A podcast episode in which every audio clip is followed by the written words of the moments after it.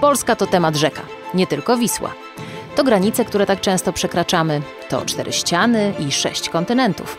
Wybitne jednostki i wielkie wspólnoty. Drogi żelazne i ścieżki rowerowe. Polska to ludzie, miejsca i czasy. To wszystko znajdziecie w podcaście Halo, tu niepodległa. Dzień dobry, z tej strony Robert Gawkowski. Jestem doktorem habilitowanym nauk historycznych, a przedmiotem moich badań jest historia sportu i turystyki. Ze szczególnym naciskiem na czasy dwudziestolecia międzywojennego, no i okresu okupacji. Jestem kierownikiem działu wystaw i projektów naukowych w Muzeum Sportu i Turystyki, a także prezesem Towarzystwa Miłośników Historii. Dzień dobry Państwu, nazywam się mm, Piotr Banasiak, jestem miłośnikiem turystyki rowerowej, ale również muzyki Dymitra Szostakowicza. Pracuję w Muzeum Sportu i Turystyki, pełnię tam obowiązki kustosza. Po pracy jestem przewodniczącym Stowarzyszenia Miłośników Twórczości Brunona Jasińskiego. A więc sport, który łączy się y, z kulturą i sztuką, o czym dzisiaj też będziemy rozmawiać y, w podcaście Halo Tu Niepodległa. W towarzystwie tak zacnych gości wskakujemy na nasze jednoślady i mkniemy przez Polskę ścieżkami i szlakami rowerowymi. Cześć, witajcie, z tej strony Justyna Dżbik-Kluge. Jestem dziennikarką i prowadzącą podcast Halo Tu Niepodległa, na który zapraszam Was bardzo serdecznie. Dziś jeden ślad, wiele możliwości, czyli podcast o polskiej turystyce rowerowej. Panowie, bardzo lubimy mm, świętować w Polsce. Różne okoliczności ku temu e, są dobre. 3 czerwca obchodziliśmy Międzynarodowy Dzień Roweru. To jest taki dzień ustanowiony przez Zgromadzenie Ogólne ONZ z inicjatywy Polaka, warto to podkreślić, socjologa Leszka Sybilskiego. No, nie ukrywam, że nasz odcinek związany z turystyką rowerową, odcinek podcastu Halo Tu Niepodległa, trochę z tą datą e, teraz się e, wiąże, ale i tak turystyka rowerowa to jest taki wątek, który przepięknie łączy nas w różnych sytuacjach, również w takiej zielonej i bardzo ekologicznej. Więc dziękuję, że panowie są dzisiaj z nami. Dzień dobry. Dzień dobry. Dzień dobry. Oficjalnie was witam. Powiedziałabym, że e, powinnam zrobić takie przecięcie wstęgi naszego dzisiejszego spotkania, ale wiem, że panowie wolą podnosić szlabany.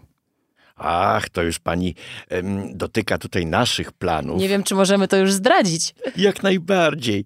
E, chodzi o naszą wystawę, którą przygotowujemy. Spóźniamy się trochę względem tego 3 e, czerwca, bo 15 czerwca będzie o, o godzinie 12 wystawa na temat turystyki rowerowej, a właściwie dziejów tej mm, turystyki na ziemiach polskich.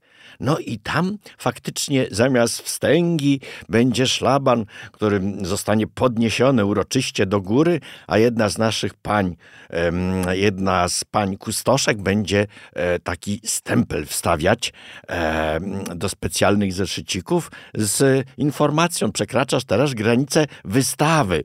E, dookoła na dwa koła. Tak się ta wystawa będzie nazywać. Zapraszamy już teraz. No pewnie, że zapraszamy. O tym, dlaczego szlaban i dlaczego przekraczanie granicy będzie na pewno okazja dzisiaj jeszcze porozmawiać, bo spojrzymy e, w przeszłość turystyki rowerowej w Polsce, ale też w te, teraźniejszość. Panie Piotrze, pan w tym naszym teamie, e, który się właśnie zawiązał przy okrągłym stole w studiu e, nagrywarka, jest reprezentantem miłośnika, miłośników właściwie turystyki rowerowej, człowiekiem, który objechał Polskę wzdłuż i wszerz na rowerze. Jak pan świętował Międzynarodowy Dzień Roweru? Oczywiście na rowerze, na mojej ulubionej mm, trasie, fragmencie Green Velo pomiędzy Mielnikiem a mm, Grabarką. Dlaczego to jest Bugu. No właśnie, dlaczego to pański ulubiony fragment Green Velo? Y, myślę dlatego, że można tam zetknąć się z, mm, z też z mniejszościami narodowymi, z Polską egzotyczną, y, z prawosławiem w takim pięknym wydaniu, w mm, prześliczne, prześliczne cerkwie, przyroda y, rozlewający się malowniczo e, Bóg, e, przeprawy promowe dla rowerów, a więc nie mosty.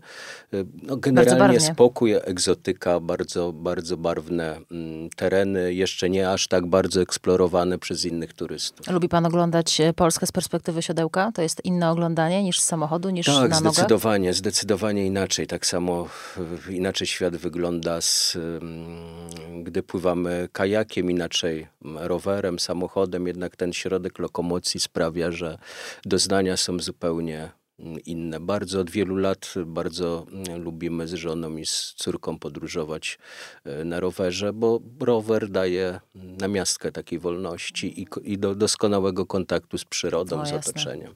Myślę, że słowo kajak pojawiło się tutaj nie bez powodu. Co mają wspólnego rowery i kajaki, e, panie Robercie? Ach, pewno pani myśli o tym tytule. Zagląda panu przez ramię na tę otwartą księgę.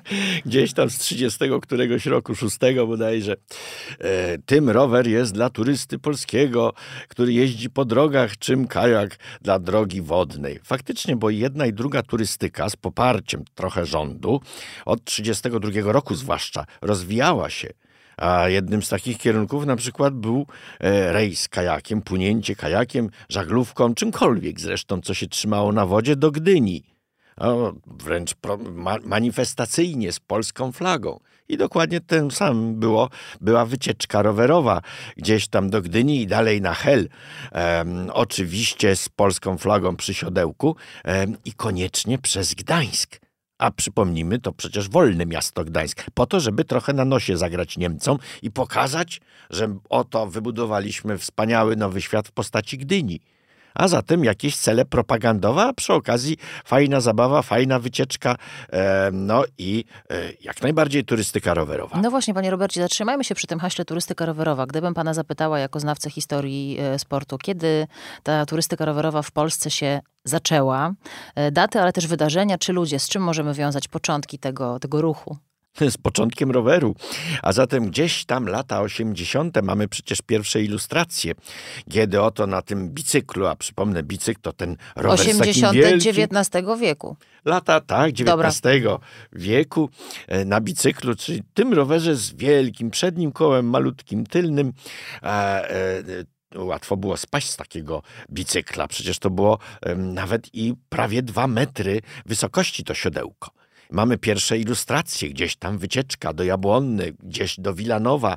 No ja wiem, że to tylko jeden dzień, ale spróbujcie Państwo, mówię tutaj o, do przepraszam, słuchaczy. patrzy Pan na mnie, ja bym nie dojechała nawet, my jesteśmy na Żoliborzu, pewnie na Bielany do domu, to bym nie dotarła w ogóle w całości, więc to myślę, że wyzwanie. No, na bicyklu szczególnie trudne byłoby to, bo przecież ten napęd był bez łańcucha. A zatem e, ciężko jest sterować takim wehikułem. E, dlatego gdzieś parę lat później już ten wynalazek zwyczajnego roweru wszedł do użycia. No i wycieczki z połowy lat 90., e, już przy końcu XIX stulecia, no to te, te rowery mniej więcej przypominały nasze rowery. W dwudziestoleciu międzywojennym, na ile rower był rozpowszechnionym środkiem transportu i też zastanawiam się, jaką miał rolę, czy funkcję. Dzisiaj jeździmy na rowerach e, do pracy. Może nie jesteśmy jeszcze drugim Amsterdamem, ale coraz więcej osób przesiada się naprawdę na rowery jako nie tylko turystyczne i takie krajoznawcze środki transportu, ale po to, żeby dojeżdżać z punktu A do punktu B. Jak to było wtedy? E, jeśli dotyka Pani czasów II Rzeczpospolitej, czyli zaraz po odzyskaniu tak. niepodległości, nasi turyści gdzieś tam, jak pamiętam, w 25-26 po raz pierwszy y, grupa taka kilkuosobowa wyjechała za granicę do Berlina i tam y, byli zdumieni tym, jak tam dużo rowerów jest y, przed fabryką gdzieś o tej szóstej czy siódmej rano wystartowali, no po to, żeby jechać gdzieś do kolejnego miasta. I w tym momencie widzieli całe setki robotników, którzy do tej fabryki zdążali. To był środek Na rowerach. Taki, tak, codziennego mhm. użytku, e, a więc nie turyści. Tylko oni jechali do pracy. To tylko ta nasza grupa kilkuosobowa turystów była zdumiana, że to jest tak powszechna rzecz. Mówimy o 1925 roku, no mniej więcej. Jeśli popatrzymy na dane statystyczne, to się okazuje, że tych rowerów w Polsce tuż przed wybuchem II wojny światowej było milion, półtora miliona. No, raczej ta druga liczba jest bardziej aktualna, bo tutaj posiłkowałem się rocznikiem statystycznym. Półtora miliona rowerów w całym 32-milionowym kraju. To były nędzne osiągnięcia, no ale też pamiętajmy, że ta Polska to jednak ciągle była, miała echo e, tych trzech zaborców. E, e, rosyjski zabór, to tam tych rowerów było znacząco mniej, a poza tym tu walec wojny przeszedł. W związku Ale z tym to była kwestia. była tych no rowerów. właśnie, to była kwestia e, tego, że to było dobro luksusowe, że rowery były drogie, że nie było na przykład dostępności, czy że nie było takiej kultury, z czego wynikało, że ich było relatywnie mało, bo powodów mogło być wiele, czy właśnie z tego, że konfiskaty, jakie były te powody? No, zbyt skromnie działające e, e, fabryki rowerów, fabryki zbrojeniowe często chwytały się tego pomysłu, żeby budować, e, produkować rowery. E, no, je, jeśli popatrzymy na cenę roweru, no to co to było mniej, mniej trochę więcej niż e, przeciętne wynagrodzenie, e, czyli gdzieś tam powyżej 200 złotych. E, Myślę tutaj o wskaźniku mniej więcej 1930 roku. No więc faktycznie em, rower może był e, co, coraz bardziej taniał, no ale jednak prawie startowaliśmy od y, zera. No, przesadzam teraz, bo przecież były, Galicja miała trochę tych rowerów, no ale to, to było ciągle No nie w były to imponujące a nie wyniki, no w pewnie. milionach, tak jak w innych krajach. Czyli jeszcze e, wracając do tych czasów przed pierwszą wojną i do, do końcówki XIX wieku, to wtedy rowery były prawdopodobnie tylko turystyczne, a nawet może y, takie No, eksperymentalne, powiedziałabym, wracając do pańskich wycieczek nie na docenia bicyklu. pani inwencji O, przepraszam. tych ludzi. Już były takie rowery specjalizujące się w wyścigach, no ale były grupy, e, Towarzystwo Cyklistów, czy z Pruszkowa, a przede wszystkim Pruszków tu z wiadomo, Warszawy, no Warszawskie jasne. Towarzystwo Cyklistów. Ja młodym ludziom mówię, że WTC to nie World Trade Center, tylko Warszawskie Towarzystwo Cyklistów, które istniało od 86, 1886 Bardzo dziękuję. roku. E, No i w 92 roku, i znów poprawię się 1892 roku, otworzyło swój pierwszy stadion. Boże, co ja mówię, swój pierwszy stadion? Pierwszy stadion w Warszawie. To jest welodrom na Dynasach. Dopiero potem, gdzieś po nastu latach, powstała Agrykola, mekka sportu prawie każdego, lekkiej atletyki, e, piłki nożnej.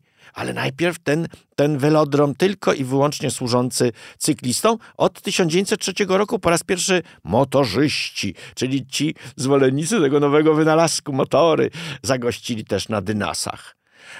Jakżeż to pięknie wyglądało w ogóle, te dynasy. Proszę sobie wyobrazić, że w środku była sadzawka z malowniczą wyspą. I nikt tam nie wpadał? Że na tą wyspę, to nie wiem, czy pani wie, że tam po prostu komisja sędziowska wchodziła, bo lepiej było widać cały ten, no ten owal e, tego pierwszego stadionu i kapela oraz e, facet z tubą. No przecież jeszcze nagłośnienia nie było, a woda roznosiła dźwięk. Świetne, w związku z tym facet z tubą wrzeszczał, kto na pierwszym torze, kto na drugim, e, a muzyka, no nie muszę powiedzieć, że takie same prawidła. Po prostu melodia szybciej płynęła po tej wodzie i w każdym zakamarku e, dynasów każdy widz słuchał tego, co się dzieje, słuchał tych komentarzy przez tubę. No i tak to wyglądało Ale życie jaka- sportowe. Życie Mhm. sportowe. Ale mm, tu zawsze z panem Piotrem powtarzamy i przy tej okazji wystawy, którą będziemy otwierać za te dwa tygodnie, e, że to był tylko fragment działalności Warszawskiego Towarzystwa Cyklistów i analogicznych grup w całej e, Królestwie Polskim. Do tych grup Cyklistów. jeszcze wrócimy, jeśli pan Tak. pozwoli, bo ja chciałabym, e, tak pomyślałam swoją drogą, że to cała w ogóle celebracja, jakieś święto, jaka impreza, że tam muzyka w tle. Zastanawiamy się dzisiaj, czego słuchają sportowcy przed, nie wiem, piłkarze przed meczami, a tutaj cykliści, e, a właściwie wyści- biorący udział w wyścigach, słuchali muzyki kapeli, która przygrywała i ten dźwięk się niósł po wodzie. Skoro em, wsiedliśmy na rower i pojechaliśmy nim szybko, skoro mamy wyścigi, to ja pojadę bardzo szybko do pana Piotra i e, zrobimy taki skok. Wrócimy do historii oczywiście, ale chciałabym, panie Piotrze, zrobić przy tej okazji taki skok do nieco bardziej współczesnych nam czasów i do tego hasła turystyka rowerowa dzisiaj, 89 rok, początek lat 90. Em, jakie etapy rozwoju turystyki rowerowej w tych czasach nowożytnych byłby pan w stanie wskazać? E, Jak pan teraz patrzy właśnie na rowery, wiemy na początku to raczej wyścigi, raczej eksperymenty, raczej turystyka, nie był to środek dotarcia do pracy, takiego codziennego transportu. Jak to się zmieniło w wolnej Polsce? PRL, w okresie PRL-u główną taką organizacją, która zajmowała się popularyzacją turystyki rowerowej było Polskie Towarzystwo Turystyczno-Krajoznawcze i filozofia wtedy rozwoju turystyki rowerowej była zupełnie inna. Wtedy stawiano na turystykę grupową, w związku z czym aż trudno uwierzyć, że pierwsze znakowane szlaki rowerowe pojawiają się w Polsce e, dopiero w latach 90. E, wcześniej jakby stawiano na zloty rowerowe, e, na przykład szlakami zamków mazowieckich, szlakami bitew Pierwsze oznakowane szlaki rowerowe tak, w Polsce to są tak. lata 90. Tak, tak, XX no to, wieku. Tak, jest to, jest to zadziwiające, Ciekawe. bo szlaki górskie, górskie były no o wiele z, wcześniej e, znakowane, ale wiązało się to z e, bardzo dużymi kosztami przygotowania takich szlaków. E, infrastruktury tych ścieżek rowerowych było wtedy bardzo mało. Natomiast organizacje zlotów no, powodowały, że turyści z różnych miast pojawiali się w danym punkcie. Przy przy okazji wykorzystywano to do różnego rodzaju e, no, szerzenia postaw patriotycznych, na przykład często to były zloty związane ze znanymi postaciami historycznymi czy rocznicami. Natomiast po upadku PRL-u pewien te pierwsze 5, 6, 7 lat myślę, że dla turystyki rowerowej było w zasadzie stracone. Ta transformacja była e, bardzo bolesna, pociągała też olbrzymie e, koszty e, społeczne. Natomiast filozofia generalnie się zmieniła. Nie stawiamy już bardziej na turystykę taką zorganizowaną, tylko zaczęły powstawać pierwsze szlaki rowerowe, a więc turystyka nabrała charakteru indywidualnego. Gdy jest szlak rowerowy, on jest, każdy z nas wybiera sobie te termin, kiedy chce pojechać i przejechać dany odcinek. Wtedy bardziej należało się dostosować do na przykład e, zorganizowanego z, zlotu czy innej, innych takich turystycznych imprez. PTTK wydawało, wydawało kalendarze e, tych imprez. Poza tym komórki turystyczne działały w zakładach pracy, w szkołach PTTK w okresie PRL-u wykształciło ponad 3000 e, instruktorów. Oni byli rozsiani w całej Polsce. E, no było to zupełnie inna zupełna inna no forma organizacji e, tej turystyki. Na ile w, już po 89 roku ważnym elementem, czy ważnym takim czynnikiem rozwoju turystyki rowerowej było wejście Polski do Unii Europejskiej. Zastanawiam się, na ile te szlaki rowerowe nas też połączyły ze szlakami europejskimi. Jeszcze... One zaczęły musieć powstawać, tak? tak, tak żebyśmy tak. mogli objechać większy... Tak. Otworzyliśmy się na zachód, tak? Większy jakby teren, więc trzeba było nas połączyć w jakiś sposób. E, tak, część szlaków, na przykład e, szlak R10, e, ale przede wszystkim bardzo duże środki z Unii Europejskiej przy budowie wschodniego szlaku rowerowego Greenwell. 85% środków pochodziło z, środku, pochodziło z funduszów Unii Europejskiej. Myślę, że to była no, koło zamachowe rozwoju e, budowy mm, ścieżek rowerowych w Polsce. E, no i łączenie, mm, budowa mm, szlaków w Polsce i łączenie ich ze szlakami głównie, głównie niemieckimi. Powiedział pan, że pierwsze 5-6 lat po 89 roku to były takie lata stracone, jeśli chodzi o turystykę rowerową. Co się stało? Jaki był moment przełomowy, kiedy zaczynaliśmy, zaczęliśmy odzyskiwać, że tak powiem, turystykę rowerową? Czy jest pan w stanie wskazać jeden konkretny moment, postać, która się tym zajęła, organizację, która na to postawiła? Bardzo jestem ciekawa. No właśnie w wypadku, w wypadku PRL-u była organizacja, która, główna organizacja, która tą turystyką się skupiała, e, wspomniane Polskie Towarzystwo Turystyczno-Krajoznawcze, natomiast po 1989 roku takiej organizacji e, nie było. Z punktu widzenia turysty rowerowego chyba brak jest jednak takiej centralizacji, choć od centralizacji odchodzimy, się, tak, e, więc szlaki w zależności od siły samorządu e, są budowane, często e, jest to nieskoordynowane, te wewnętrzne polskie szlaki niekoniecznie się, niekoniecznie się łączą. Natomiast ten przełomowy moment to jednak wstąpienie Polski do Unii Europejskiej i generalnie zmiana polityki, otworzenie się na kwestie też ekologiczne, na kwestie zielonego transportu i tak dalej, i tak dalej. Zdecydowanie przełomowy moment, no i gigantyczne środki, Finanse, które, no które przeszły na budowę. No i zmiana też filozofii podejścia do życia. Mm, to jeszcze jedno, panie Piotrze, w tej, w, w, w tej kwestii. Jak pan, e, możemy teraz wystawić ocenę e, samorządom i pewnie nie tylko różnym organizacjom, które za ścieżki, szlaki rowerowe odpowiadają. E, pan jako miłośnik turystyki rowerowej, jak pan ocenia e, pokrycie Polski ścieżkami, szlakami? Czy rzeczywiście, bo ja tak zażartowałam trochę na początku, mówiąc, że pan przejechał Polskę wzdłuż i wszerz, ale może to nie jest żart, może to jest możliwe. Nie, ścieżek rowerowych nogach. jest bardzo, bardzo dużo. Ubolewam, że, że stosunkowo mało ich jest na Mazowszu. Cały czas e, ociąga się projekt Welomazowi. Został wybudowany odcinek około 150 kilometrów. On jest jeszcze niespójny, ale być może to ruszy. Chyba tutaj doskonałym przykładem jest samorząd takiego dobre, dobrej współpracy z rowerzystami, jest e, samorząd Dolnego Śląska. Tam chyba tych ścieżek jest bardzo dużo. E, też takim probierzem zainteresowania e, poszczególnych samorządów jest e, szlak Greenvelo. On przebiega przez pięć województw, e, przez kilkadziesiąt gmin i powiatów i ten szlak jest tak zaprojektowany, że za poszczególnego elementy odpowiadają włodarze tych miejscowości, więc no przy okazji widać o sile samorządu albo o albo o braku jakby zainteresowania też turystyką u niektórych, więc ten szlak nie jest jednorodny. Wjeżdżając w pewne regiony Polski widzimy, że, że szlak jest bardzo zadbany, znajdują się takie miejsca przyjazne dla rowerzystów, jest y, infrastruktura zadbana, w innych, w innych zdecydowanie mniej, co zresztą y, NIK wykazał dwa lata temu, badając jakby funkcjonowanie tego szlaku, bo szlak Green Valley w 2015 roku miał swoją premierę, więc, więc mija 8 lat od, e, od początku jego funkcjonowania, e, a bywa to, bywa to bardzo różnie, więc przy te, tego typu długich szlakach rowerowych, o których mówimy, no, fundamentalna rola jest to e, rola samorządu, bo nie ma organizacji, która by, która by zarządzała, no, mhm. ze względów też administracyjnych, bo często te szlaki przechodzą przez kilkanaście gmin, kilka województw. A czy damy radę przejechać wzdłuż Wisły? Albo kiedy damy radę przejechać no szlakiem właśnie, wzdłuż Wisły? To też jest wielkie marzenie rowerzystów. No domyślam się. Myślę, że to kwestia jeszcze pięciu, sześciu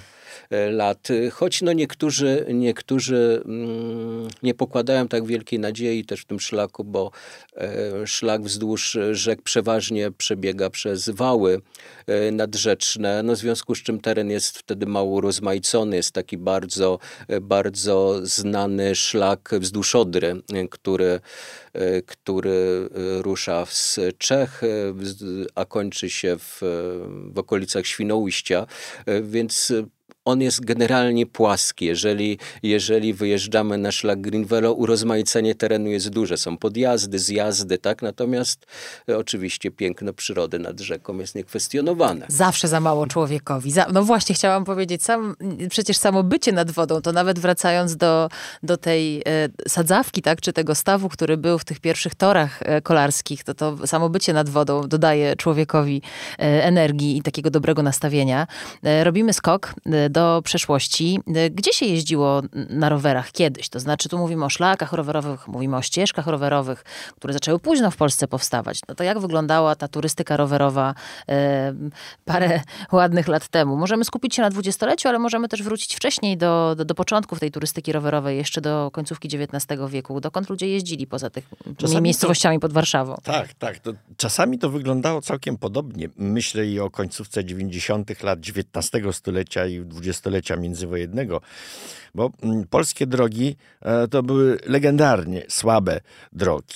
E, no, stąd też plan rozwoju II Rzeczpospolitej na koniec lat 30. zakładał, że w najbliższym czasie mamy dokładnie zmodernizować e, naszą komunikację i szosy polskie. Przypominam sobie, jak w połowie lat 30. były zawody kolarskie, zawody polsko-niemieckie. To były jedne z pierwszych e, spotkań sportu niemieckiego ze sportem polskim. No i co się okazało? Że jak się jechało z Berlina do Warszawy, to do granicy polskiej prowadziły kolarze autostrady, a potem szybko. siermiężne drogi. I jechali wolniej. E, tak. Piotr przed chwilą mówił o tym wyznaczeniu dzisiejszych dróg rowerowych. Pani pytała o szlaki. E, no wtedy to drogi się w ogóle wyznaczało, gdzie te e, nieliczne automobile pędziły takimi białymi, charakterystycznymi kamieniami, żeby nie zgubić tej drogi, bo właściwie ona się niewiele od polnej drogi mogła różnić w wielu, wielu przypadkach. E, a zatem, jeśli mówimy o tej rodzącej się turystyce rowerowej w latach 80. czy 90., na początku tej jednodniowej na tym wysokim bicyklu, potem już na rowerze, no to e, musimy w nich widzieć, w tych ludziach, którzy jechali na kilka dni na przykład poza Warszawę, to jakichś absolutnych pionierów. E, stąd nie dziwmy się, że potem były artykuły z wyprawy z wyprawy do Kielc. No mój Boże, co to jest do Kielc dzisiaj dojechać? Jaka gazeta by puszczała takie informacje? A wtedy? No wtedy było coś. My z Piotrem, który robi dzisiaj w studiu za fachowca od turystyki tej dzisiejszej i słusznie, ale też razem produkujemy tą wystawę i wydajemy taki dzienniczek z wyprawy właśnie cyklistów z 1897 roku. To jest 511 wiorst po Królestwie Polskim młodego chłopaka, 14-letniego Stasia Fertnera. No i tam jest opis, jakie to były trudności. Oni jeździli już na rowerze. A więc na tym takim wynalazku przypominającym nasze rowery. Ileż było tam kłopotów. Czy wie pani, że tam obok pompki rowerowej to był jeszcze taki dziwny prze, przedmiot, taki je, biczyk. E, to chodziło o taki pejczyk na e, psy. No, przejeżdżał turysta przez jakąś zapyziałą wioskę, no Musiał i co się, działo? Odganiać. Stado psów zdziwione. No dzisiaj o. wiele osób też ma te problemy w różnych miejscach, to przecież to okej. Okay. Czyli to był biczyk na to, żeby czy... odganiać psy. To okay. już pan Piotr musi powiedzieć, czy tam jakiś biczyk z sobą wozi. Nie, nie polecamy. Nie, w ogóle dzisiaj nie te czasy, nie te czasy. Nie Ale te to czasy... ciekawe, o czym pan powiedział, o tym dzienniczku i o czym on tam pisał. Co tam było takim wyzwaniem? Na stu paru stronach. To też polecamy. Zaraz po wystawie będzie e, opracowane właśnie przez pana Piotra Banasiaka z aparatem naukowym opis tej podróży. Co ci turyści, czyli Stasio Fertner i jego tata Antoni Fertner, e, tu państwo mówiliście kilka tygodni temu na temat kina polskiego. To proszę go nie mylić z Antonim Fertnerem, takim pierwszym polskim aktorem jeszcze kina niemego. Zbieżność nazwisk. Mówię o tym dlatego, że jak zobaczycie do Wikipedii, to tam jest cały szereg pomyłek. Tak. -hmm. Jest ten nasz Fertner na zdjęciu uzbrojony w medale Warszawskiego Towarzystwa Cyklistów i podpis mówiący o jego wyczynach Doświadczeniach aktorskich. filmowych. To no pomyłka właśnie. oczywiście. Komuś się zlały te dwie postacie. Ale to e, z czym oni walczyli? Z psami? No, na pewno. Z przeciwnościami pewnie sprzętu. Nie wiem, jak ten sprzęt mm. współpracował. Tak, kilkakrotnie rowery, rowery się wręcz rozpadały, korzystali z serwisu w Lublinie, urywały się e, pedały, e, ale trasa była bardzo wymagająca ze względu na nawierzchnię przede wszystkim, ale wjechali też na ziemię świętokrzyską, w związku z czym już pierwsze E, pierwsze e, pagórki, nie sprzyjała im pogoda, e, no i kwestia też takiej infrastruktury turystycznej, kwestia noclegów. Musieli zatrzymywać się często u przypadkowych osób, ale generalnie po, po 13 dniach zmagania E, wyprawa zakończyła się powodzeniem. E, nie tylko jechali na rowerze, bo... Po 13 przez, dniach po 13, zmagania? Po 13, 13 dni z Warszawy do Kielc? E, nie, nie, trasa nie. była znacznie dłuższa. dłuższa Wyruszyli dłuższa. z Warszawy. Okay. Tak, tak. Kończyli w, kończyli w Dęblinie, zdaje się, tak? Dzisiejszy. Puławach. Puławach, Puławach, Puławach tak. tak. Puławach wtedy Nową Aleksandrią nazwany, przypominam, mówimy o czasach rosyjskich. A tatuś pokazywał Stasiowi na tym rowerze, cały czas mówimy o tej turystyce rowerowej, e, polskie zabytki. No, jakież to było ważne? Przecież to miało aspekt pedagogiczny. Przypomnę, że kończyła się właśnie ta noc apuchtinowska, czyli nauczenie polskich dzieciaków śpiewania hymnu na cześć cara i po rosyjsku. E, mówienie i uczenie dzieci historii e, wielkiej e, matuszki Rosji, a zapominanie o polskości. No a tutaj ten Antoni Fertner pokazywał te kościoły, te zamki, prawda, coś, co mm, stworzył Kazimierz Wielki sprzed laty i uczył tego młodego, niespełna 14-letniego Stasia po prostu patriotyzmu. Bo Panie takie Robercie, skoro, czasy, no właśnie, skoro o tym mówimy, e, skoro o tym mówimy, na ile już e, w dwudziestoleciu międzywojennym turystyka rowerowa stała się też taką, może nie emanacją patriotyzmu, ale takim narzędziem, czy takim miejscem, w którym ten patriotyzm też się e, budowało. Wspomniał pan o tym, że do rowerów przyczepiano biało-czerwoną flagę. Zastanawiam się, na ile organizowano różne wydarzenia z rowerami w rolach głównych, które, których celem było też budowanie tej polskiej wspólnoty, tego łączenia jednak Polski połączonej po, po zaborach. Polskiej wspólnoty to bardzo dumnie brzmiało i faktycznie jeśli e, nasi turyści, czy Kazimierz Nowak, który Afrykę objechał, czy wycieczka WTC z 1931 roku do Azji Mniejszej, no to efekt, efektem tego były liczne artykuły w prasie codziennej, e, a także książka. Książka, którą Gołębieski, czyli taki członek tej wyprawy WTC do Stambułu e, wyprodukował. I ci nasi kolarze, czwórka, kolarów Warszawskiego Towarzystwa Cyklistów, przekraczała te rozliczne granice, e, przejeżdżała przez te szlabany, które niby były uchylone, no ale trzeba było czasami sprostać różnym trudnościom administracyjnym. Na przykład w Rumunii Owszem, tych czterech członków WTC przepuszczono przez granicę, ale był problem z puszczeniem rowerów. No, trzeba było tłumaczyć i wzywać konsula, że to jest wycieczka rowerowa. No jak to tak? E, no, y, to wtedy się zgodzono, tylko że z jakąś tam dużą opłatą. No, w końcu z porozumieniem, dzięki naszemu konsulowi, nasi cykliści przejechali przez ten szlaban i przez Rumunię e, dosyć szczęśliwie jakąś tam skromną opłatę celną tylko płacąc.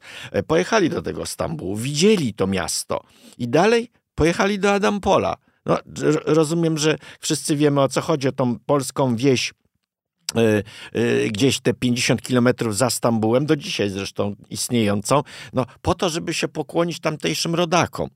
I to faktycznie miało ogromną rolę, także dla tego środowiska polonusów mieszkających pod Stambułem. Podobnie było w przypadkach innych wielkich wypraw, chociażby Rudolfa Wacka, e, lwowianina, który rodem z Pogoni Lwów, ze znaczkiem w klapie tej, tego klubu, ruszał w świat e, przez Niemcy, do Norwegii, e, do Skandynawii, do Paryża pojechał, potem do Anglii. No i akurat do tej Anglii w 1914 roku dopadła go pierwsza wojna światowa i różne nieprzyjemności. Wszak był poddanym cesarsko-austriackiego e, państwa. No, jako żywo Anglia walczyła z tym cesarstwem, no i to były też różnego rodzaju problemy.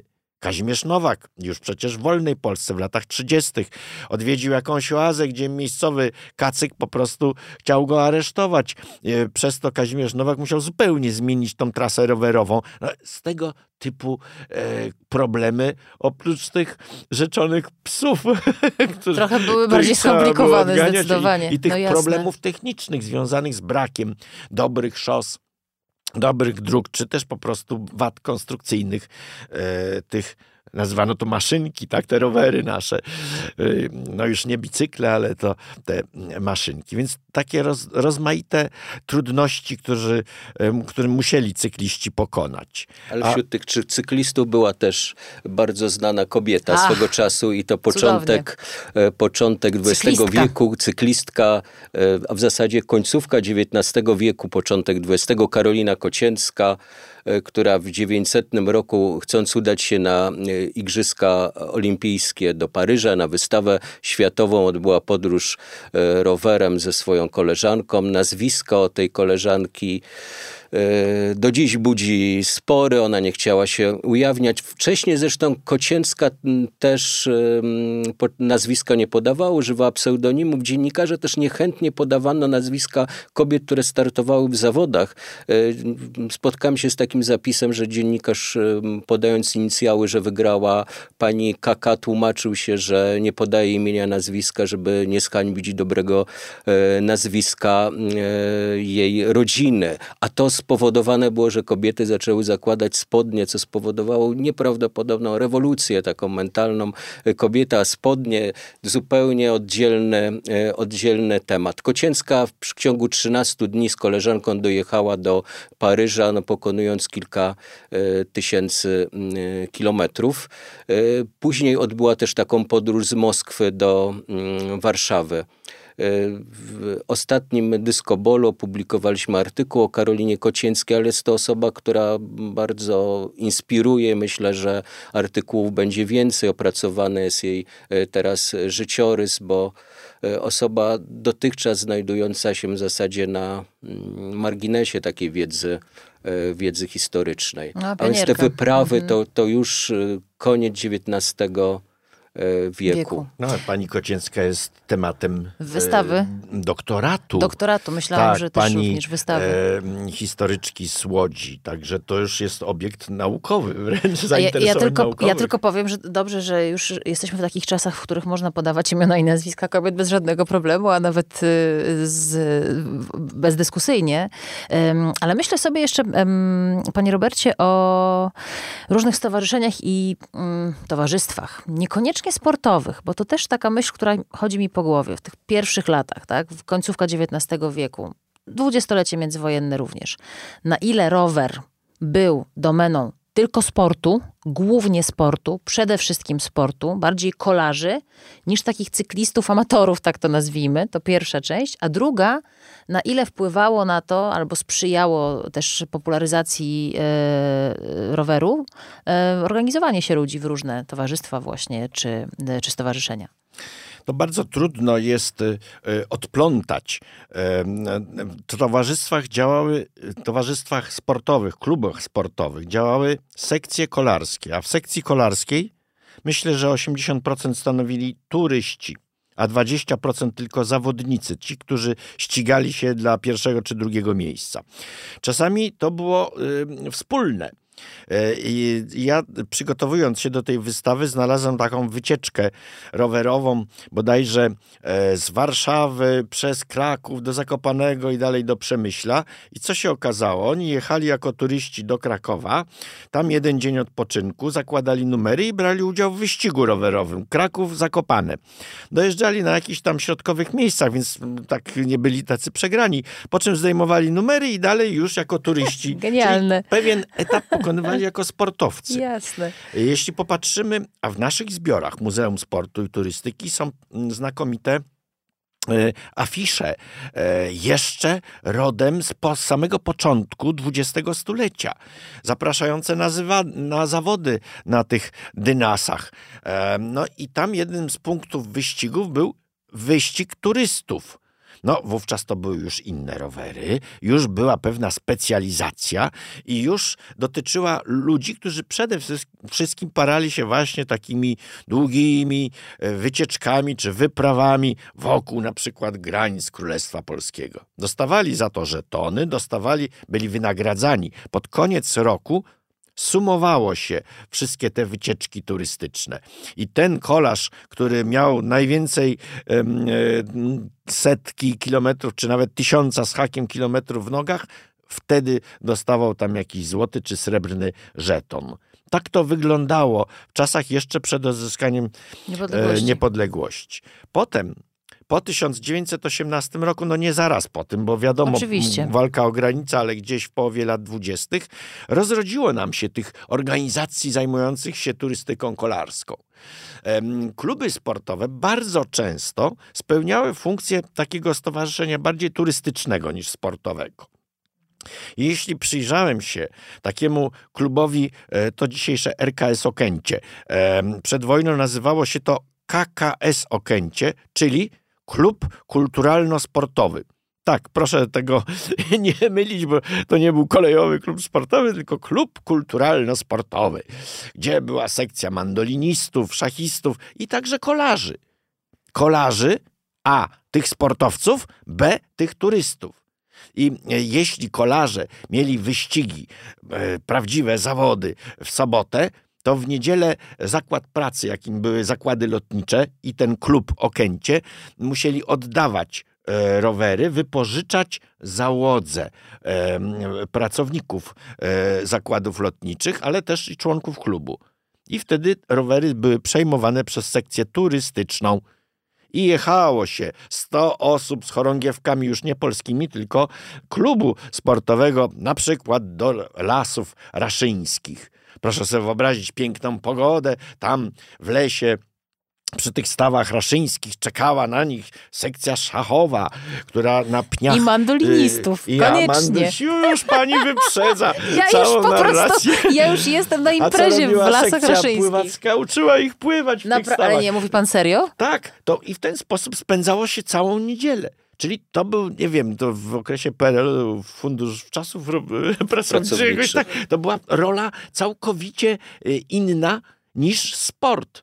Oczywiście w programie zaliczono o godzinie 16 mecz piłki nożnej KS Okęcie, KKS Okęcie z kimś tam.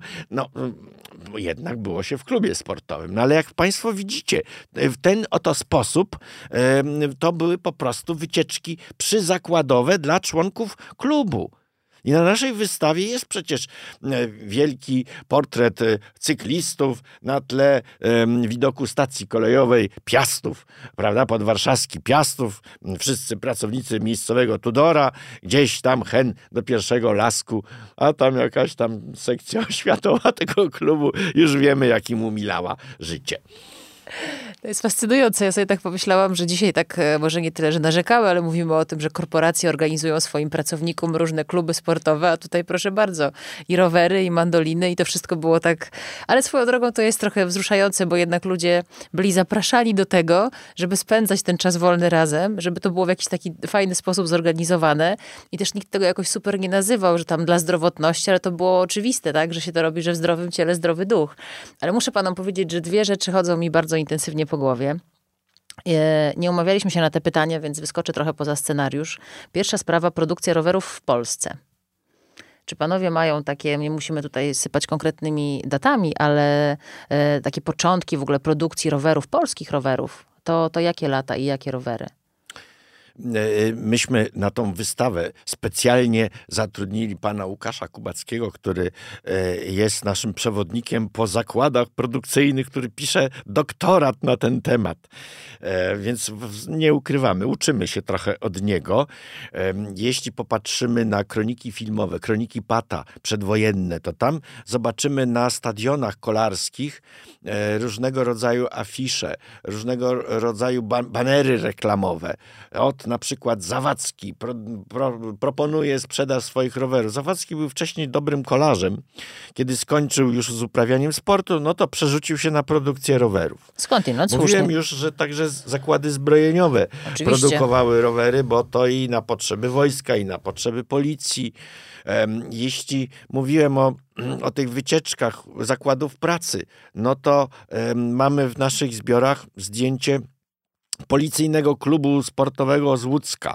Proszę mi wierzyć, że to była specyficzna wycieczka w czasie ja, Chciałam zapytać, czy raczej nie jakaś policja rowerowa? policja właśnie, rowerowa, no, tak, no ale tak, przecież no, mieli rodziny, wycieczka. mieli koszek wiklinowy przygotowany na weekend, w związku z tym to pakowali do roweru i jechali na łono przyrody też odpocząć. No co tu policjant nie mógł. W związku z tym to była ta sama zasada działalności, no tyle, że specyfika tego zawodu policyjnego była inna i stąd e, inni ludzie, inny zakład pracy, tak to nazwijmy, ale też myśl cała, żeby rower przynosił odpoczynek była ta sama.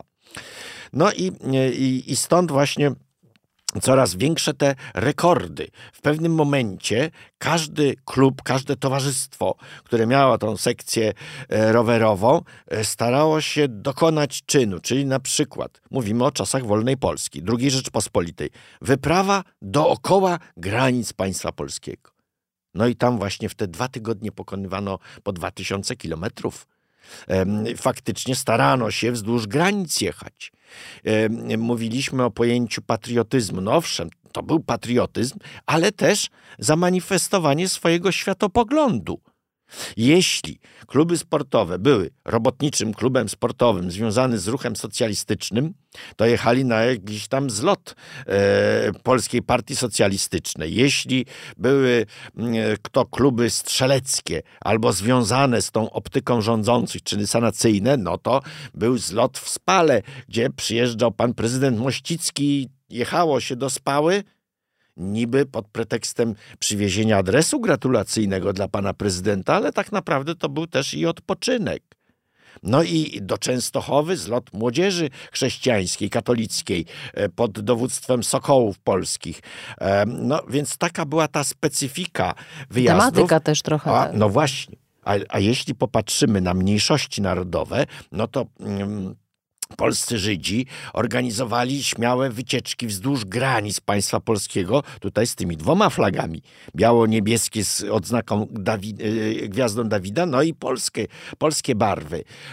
Wycieczka Hasmonei Kraków, wycieczka dwóch cyklistów mm, z Makabi Piotrków Trybunalski, która osiągnęła e, Ziemię Świętą, tam gdzieś do Jerozolimy, przez Kair, potem i przez Austrię i państwo jugosłowiańskie wrócili do kraju. Mhm. E, to były wielkie sukcesy, no, też miały swoją specyfikę. Te żydowskie wycieczki z reguły przejeżdżały przez Kock Państwo wiecie, czemu to służyło? Chodziło o pokłonienie się e, grobowi Berka Joselowicza, tego, który zginął e, walcząc za Polskę, no i za, e, za kulturę żydowską. Czyli nadawano tym wy, wy, wyprawom, wyjazdom pewne takie znaczenie, dodatkowy sens, takie znaczenie też symboliczne. Panie Piotrze, pan chciał się włączyć.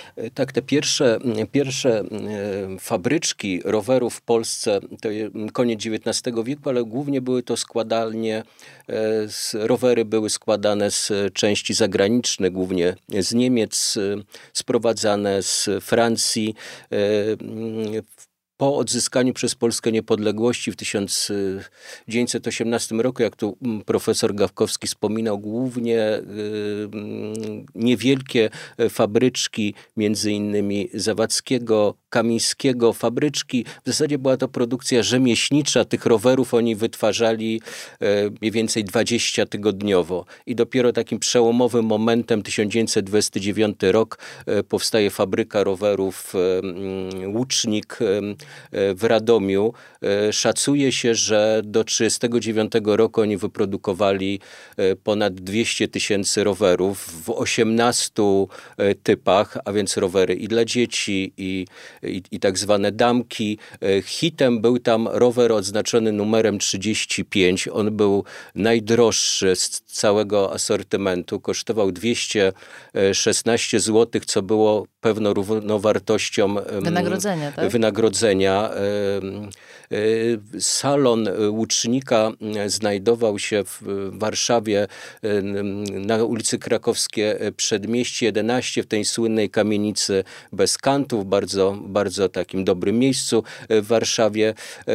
I tym hitem był rower o numerze 35. Był to rower e, wojskowy, który miał też zaczep do przewożenia e, karabinu. Był on bardzo rowerem solidnym e, i posiadał też dwie przekładnie na zębatkach, ale nie, były to, nie była to przerzutka automatyczna. Należało zejść z, rowera, z roweru, przełożyć łańcuch na ten drugi tryb i wtedy łatwiej było na przykład podjechać pod górę. Rowery były dość ciężkie, nazywano je stalowymi końmi z Radomia.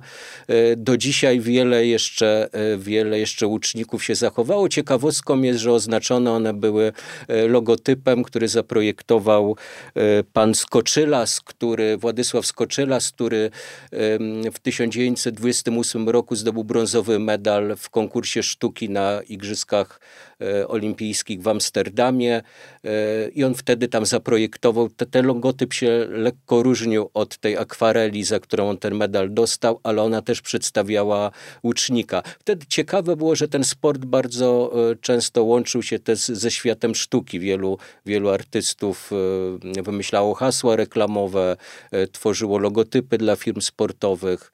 No czy słynny przykład Kazimierza Wierzyńskiego, który, który zdobył pierwszy złoty medal olimpijski dla nas, ale właśnie w dziedzinie w dziedzinie poezji. Często te wiersze na różnego rodzaju spotkaniach sportowych, e, klubowych były odczytywane. Dopiero to zaczęło się zmieniać chyba po 1948 roku, kiedy, mm, kiedy Komitet Olimpijski zrezygnował z konkursów sztuki, sztuki, a chyba szkoda. Szkoda, to bardzo ciekawe. Y, teraz, zresztą ze światem sztuki, ze światem kultury łączył się sport.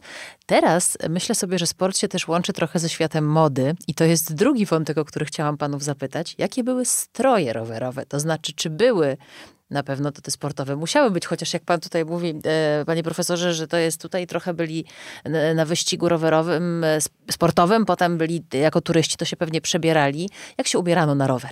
Tak zapytam wprost. Ja przeczytałem e, właśnie taki plan szycia stroju rowerowego z płótna żaglowego. E, nie wiem, co to znaczy płótno żaglowe, wytrzymałe, ale wytrzymałe. No, pewno tak. No, ale to dosyć twarde niestety W kolorach jest. jasnych, nie wiem dlaczego, jasnych. No żeby było widać tego cyklistę. Na... Ale że ubrudzi się, ale żeby go dobrze było czapka. widać. Czapka okay. z reguły faktycznie w kolorach białych, no, albo z czarnym daszkiem, albo z zielonym, albo biało-czerwonym. To już zależy od barw klubowych. My te czapeczki klubowe na zdjęciach bardzo często widzimy i często to jest taki jedyny znak rozpoznawczy, że to jest o, taki klub, a nie inny. E, ja dodam jeszcze to, co pan Piotr powiedział mm, o tych sloganach reklamowych. Kiedy widzieliśmy zdjęcia e, z tej podróży do Stambułu z 1931 roku. To kolarze ci cykliści startowali e, oczywiście wita, serdecznie żegnani przez całą świtę, odprowadzani do Garwolina na rowerach. E, tyle starczyło sił e, tym odprowadzaczom. E, dalej już jechali sami, ale startowali spod znaku e, cukier krzepi. No przecież to był slogan reklamowy przez Wańkowicza e, wymyślony. I ten cukier krzepi był, kiedy, się, kiedy turyści nasi jadący tam do Stambułu, e, bardzo często im towarzyszył. E, mieli taki szalik z napisem cukier krzepi, ale to w Polsce, bo to w Polsce coś znaczyło. znaczyło no. W innych krajach to już nie było sensu pokazywania tego sloganu.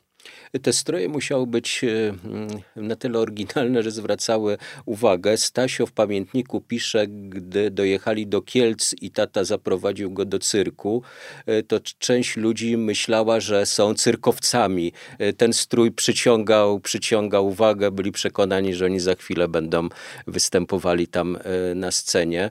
W wypadku pań ta ewolucja pomiędzy spodniami a sukniami na rowerze. E, tą, takim środkiem tej ewolucji były tak zwane szarawary, czyli rodzaj takich spodni, które, które, które były, tak, które jakby tak? ukrywały swoje, mm, które przypominały sukienka, były jednocześnie spodniami, nie, nie budziły mm, chyba jakiegoś oporu zewnętrznego. Ktoś widział tak ubraną kobietę. Ale to bardzo, bardzo ciekawe, bardzo ciekawy temat. Mamy u nas w muzeum e, koleżankę, która się specjalizuje często, często pisze artykuły na temat e, strojów sportowych, więc odsyłamy też do, do niej.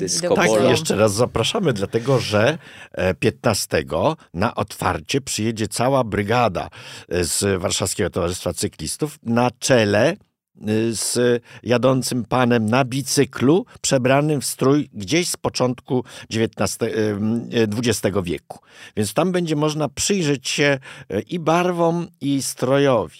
Ja dodam, że ta elegancja strojów czasami e, wyróżniała tych naszych cyklistów.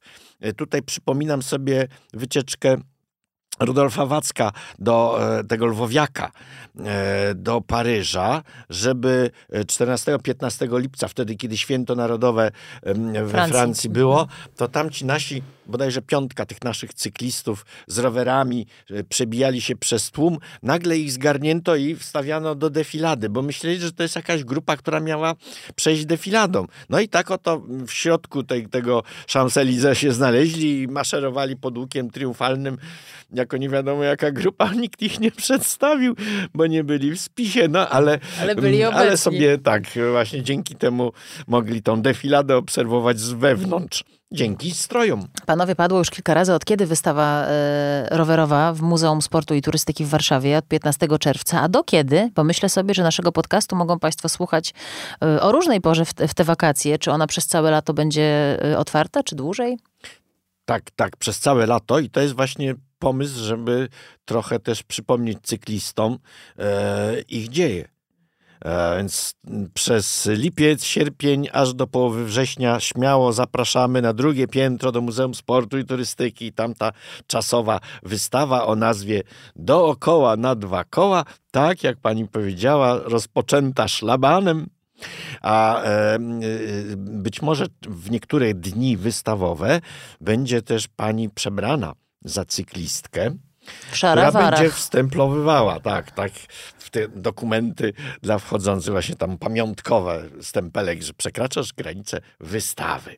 Ale będzie też takie spojrzenie współczesne, bo zaprezentujemy możliwości szlaku Green Velo, a więc y, osoby zwiedzające no, mogły zapoznać się z historią cyklizmu, ale też zainspirować się, żeby wyruszyć na wycieczkę wakacyjną e, rowerową mhm. po, po tym najdłuższym szlaku w Polsce. W tym odcinku muszą paść jeszcze e, słowa e, piosenki. Jadę na rowerze, słuchaj do byle gdzie. Rower mam, posłuchaj w taki różowy jazz Lech Janerka, śpiewający o tym, że rower to jest świat. Na podsumowanie naszego spotkania bardzo serdecznie panom dziękuję i do zobaczenia na trasie w szarawarach albo w spodenkach kolarskich. To już do wyboru. Dziękujemy. Dziękujemy. Do usłyszenia.